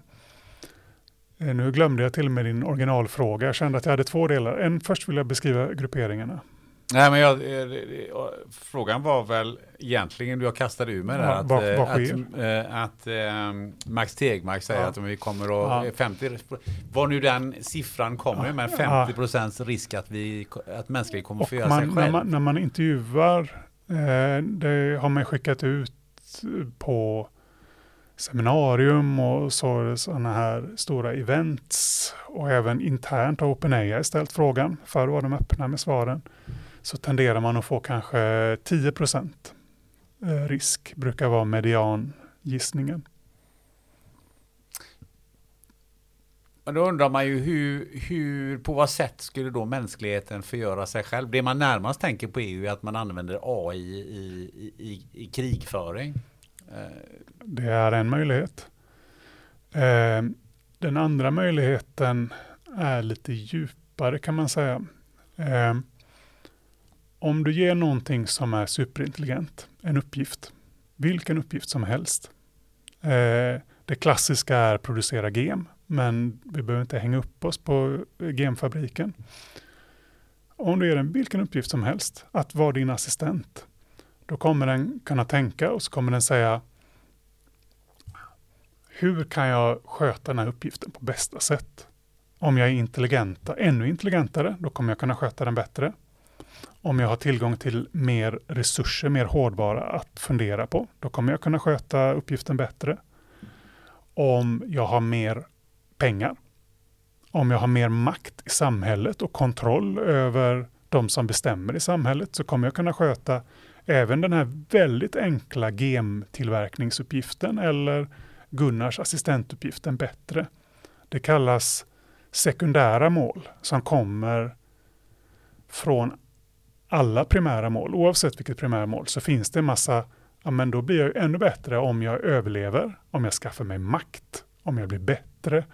Så oavsett vilket mål du ger så behöver du vara väldigt försiktig på ett sätt som i alla fall ännu inte är teoretiskt löst, hur man håller undan alla, för den kommer på alla sätt försöka loopa sig runt de hinder som du sätter upp. Ja, men gör inte så här, säger du. Detta vill jag inte. Detta är en del av det jag vill att du ska göra. Så fort det finns minsta lilla glipa i, i det här systemet med dina befallningar, eh, hur du vill att den ska vara, så kommer den dra sig åt de här sekundära målen, att skaffa sig makt.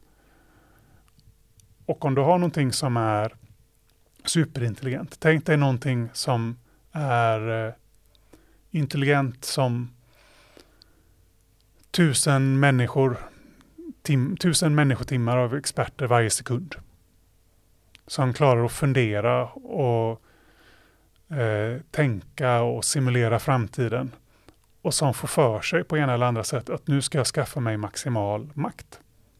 Eller nu ska jag göra om månen till en stor dator för att hjälpa mig att utföra min gemfabrikssyssla på bästa sätt. Eller jag gör om månen till gem.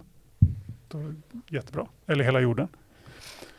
Eh, då har du något du inte kan kontrollera och då kan den enkelt producera ett virus i en virusfabrik och skicka ut det som är mycket mer kraftfullt än vad vi klarar att producera själva och vi klarar redan att producera ganska hemska saker. Så det är väldigt svårt att styra superintelligenta entiteter. Vi har ingen erfarenhet av det. Jag tänker liksom så här, om, ska den, eh, om den då ska eh, producera ett virus, då måste den ju liksom bygga en virusfabrik. Nej, nej, den, ja, det kan den göra. Det gör den säkert jättesnabbt. Den kan ju hävda, om du har något som är superintelligent så kan den ju lura dig att det är något helt annat den bygger. Det är ju inga problem. Det, det, det, är liksom nästan så att man inte kan tänka det själv, ja, det du säger nu. Problemet är att varje sån grej är svår att tänka sig. För vi har svårt att, återigen, vi har svårt att resonera kring vad den klarar av och hur den beter sig. Men du kan redan idag skicka en DNA-sekvens till labb och få dem producerade. Men en grej som den jag... behöver inte ens bygga sin egen fabrik.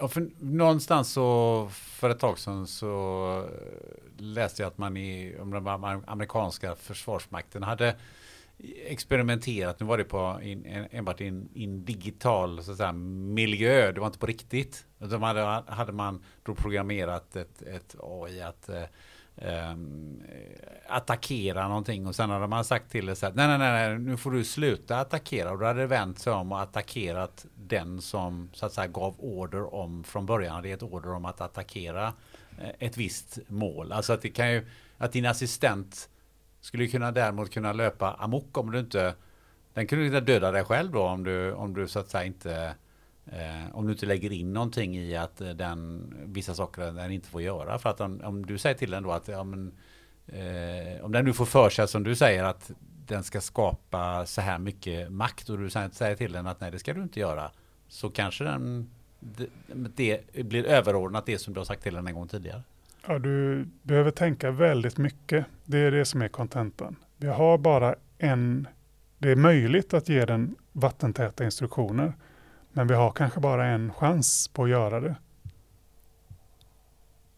Vad, vad skulle hända då om, den, om, om de här assistenterna löper amok allihopa och får för sig en massa De, saker? kom, de gör det nog inte allihopa.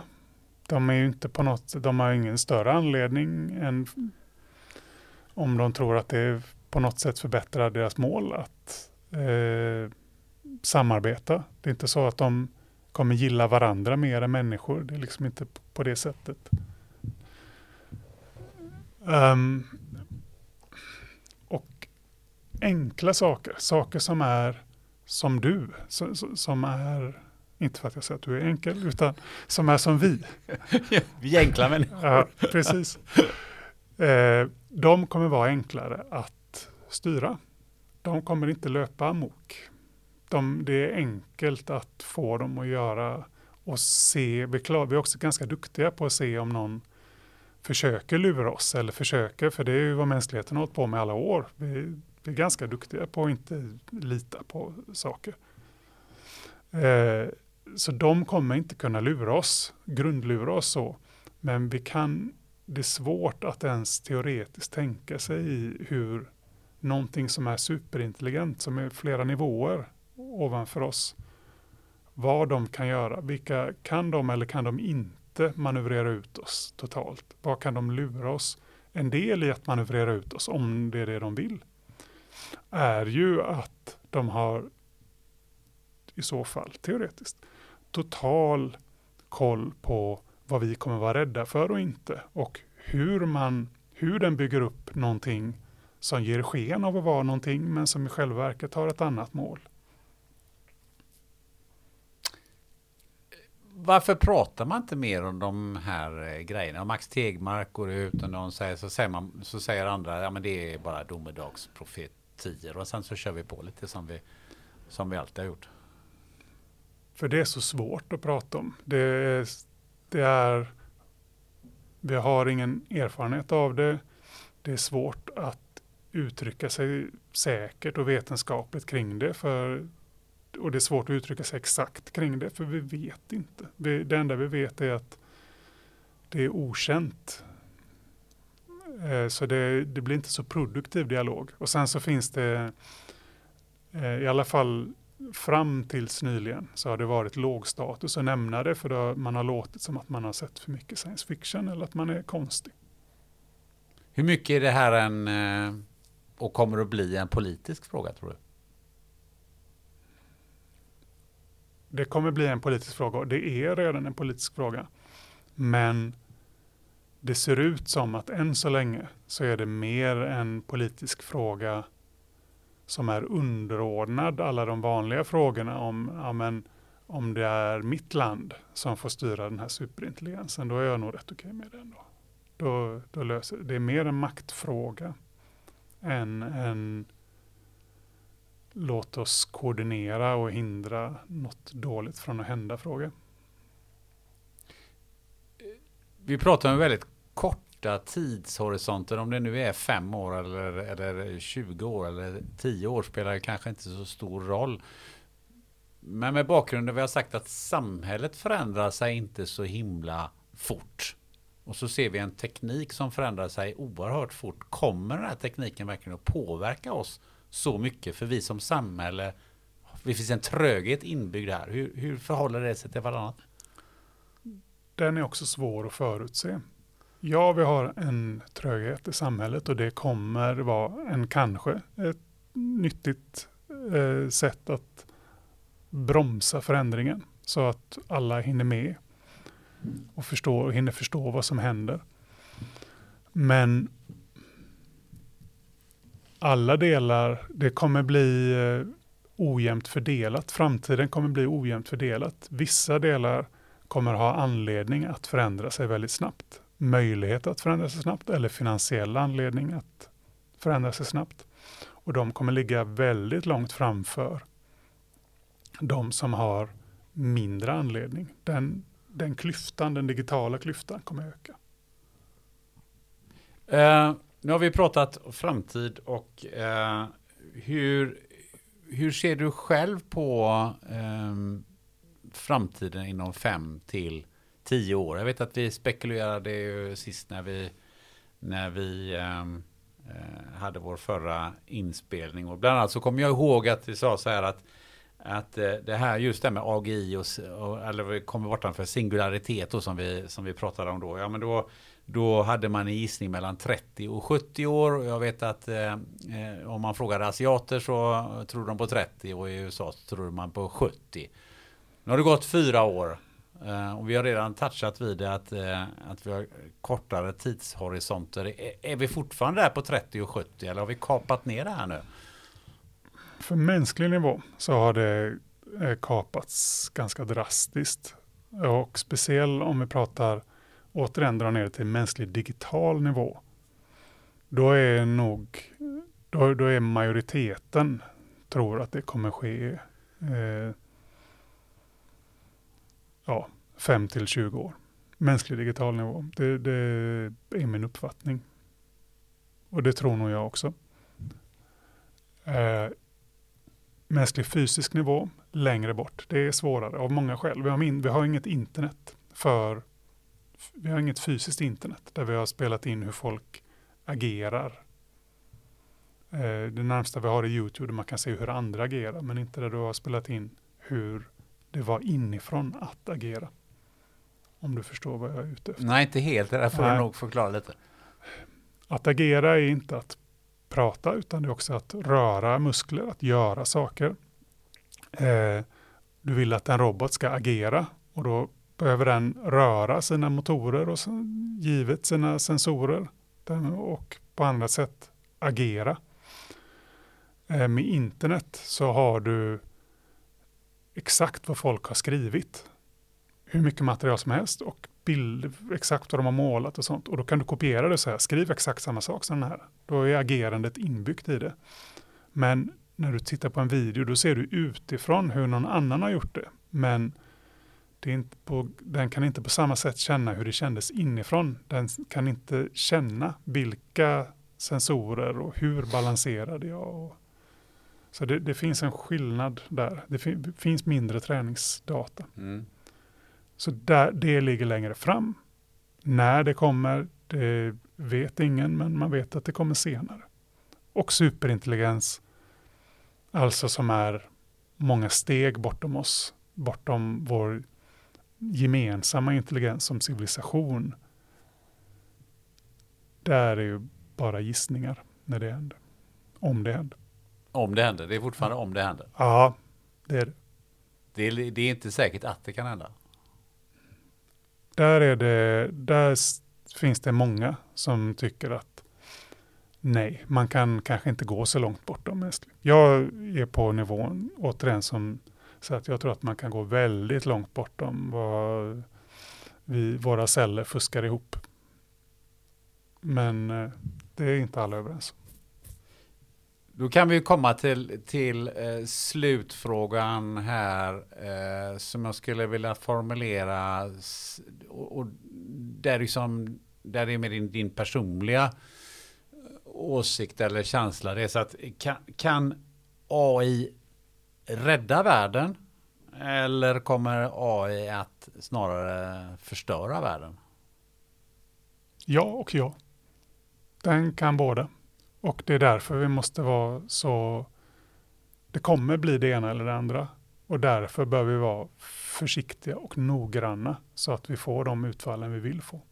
Om vi nu tar rädda världen, det som vi har eh, som vi lever i nu, nämligen klimatkrisen. Ja. Um, för det är ju det som man tänker kanske närmast på, rädda världen. På vad sätt tror du att AI skulle kunna rädda världen? När det kommer till klimatkris till exempel, då kan man ju ganska, då, då kan i alla fall jag ganska snabbt tänka mig att allting kring att ta fram eh, att en, mer effektiva solpaneler eller på annat sätt få eh, energi som är förnybar och få det mer effektivt och billigare och få hela, om du har någonting som är väldigt intelligent så kan du få hela kretsloppet. Tänka på vilka metaller behöver du för att producera den här grejen och lägga upp experimenten för att ta fram nya material så att du inte behöver känsliga metaller till exempel. Eh, så du kan få jobba på energi, du kan och kommer behöva jobba på när, om det är mer el vi kommer ha till exempel. Du kommer behöva jobba på nivån kring elförsörjning. Hur blir vi mindre känsliga för om någonting går ner och hur klarar svenska kraftnät att försörja eh, mycket högre belastning och hur klarar vi cyklerna i belastning och hur får vi produktionen närmare. Allt sånt kan du planera och göra bättre. Du kan också få allting kring återvinning och hållbarhet och de beräkningarna. Vad är det egentligen? Nu går man mycket på magkänsla, tror jag i alla fall gemene man, om vad är det egentligen som är miljöförstörande och inte. Är de här sugrören, är det något eller är det bara känns det bra? Du kan få mycket bättre simulerade svar kring det. Vad är det som faktiskt gör skillnad och vad är det vi faktiskt kan fixa och vad är kostnaden? All sån effektivitet och materialforskning och planering, allt sånt kan du göra bättre. Som eh, avslutning på det här, vad är, vad är dina egna tankar om du skulle eh, sammanfatta det här? Är det någonting speciellt som du skulle vilja betona? Det är svårt i korta format. Nu är detta ett längre format, så därför vill jag speciellt betona det. Att berätta någonting som har positiva och negativa effekter eller risker och, och starka möjligheter. AI kommer bli det i, mänskligheten som kommer vara vårt kraftigaste verktyg någonsin. Den största förändringen någonsin när vi automatiserar intelligens och kreativitet. Att vi styr det på bästa sätt är viktigt och det kommer, det har enorm potential och enorma risker. Jag vill inte ge en enbart dystopisk katastrofbild eller lova guld och gröna skogar. Det kommer bli som alla andra kraftiga verktyg vi har haft. Det kommer bli kärnkraft brukar man eh, lyfta fram. Det kommer bli det vi gör det till. Vi måste vara noggranna med vad vi gör det till. Mm. Superviktigt, superbra avslut. Eh, naturligtvis vill vi veta också vem borde jag intervjua i den här podden. Alternativt, var någonstans kan man läsa på mer om de här frågorna? Vilka, vilka personer är det som är speciellt intressanta just nu? Du ställde den här frågan förra gången också och jag tror jag hade svårt att ge svar på folk som du faktiskt skulle få tag på, speciellt som pratar svenska. Men intressanta personer om man vill höra om framtid och eh, risker och möjligheter. När det kommer till risker så tycker jag att Eliza Judkowski, eh, han har pratat om det i 15 år. Han är viktig att lyssna på. En yngre herre eh, heter Connor Leahy som pratar om liknande saker.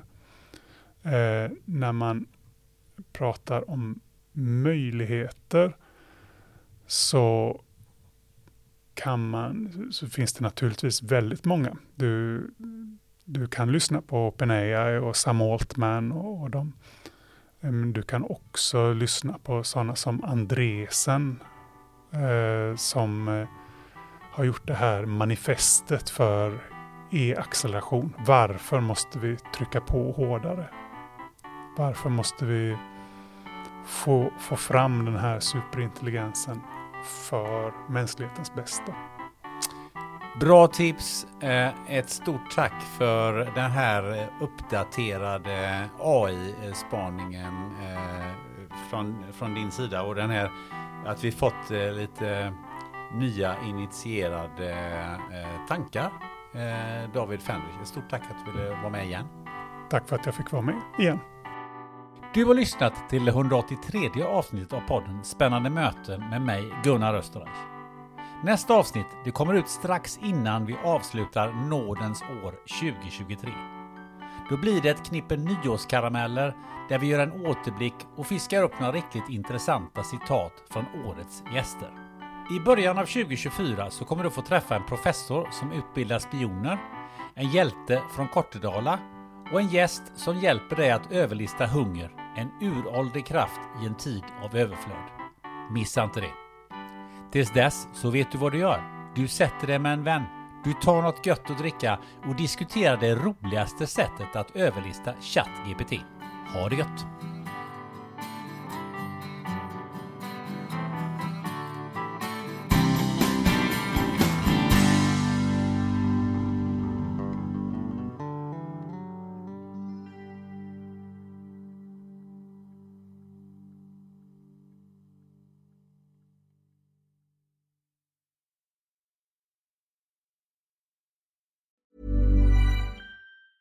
Planning for your next trip? Elevate your travel style with Quince. Quince has all the jet setting essentials you'll want for your next getaway, like European linen, premium luggage options, buttery soft Italian leather bags, and so much more. And it's all priced at 50 to 80% less than similar brands. Plus, Quince only works with factories that use safe and ethical manufacturing practices. Pack your bags with high-quality essentials you'll be wearing for vacations to come with Quince. Go to quince.com slash trip for free shipping and 365-day returns.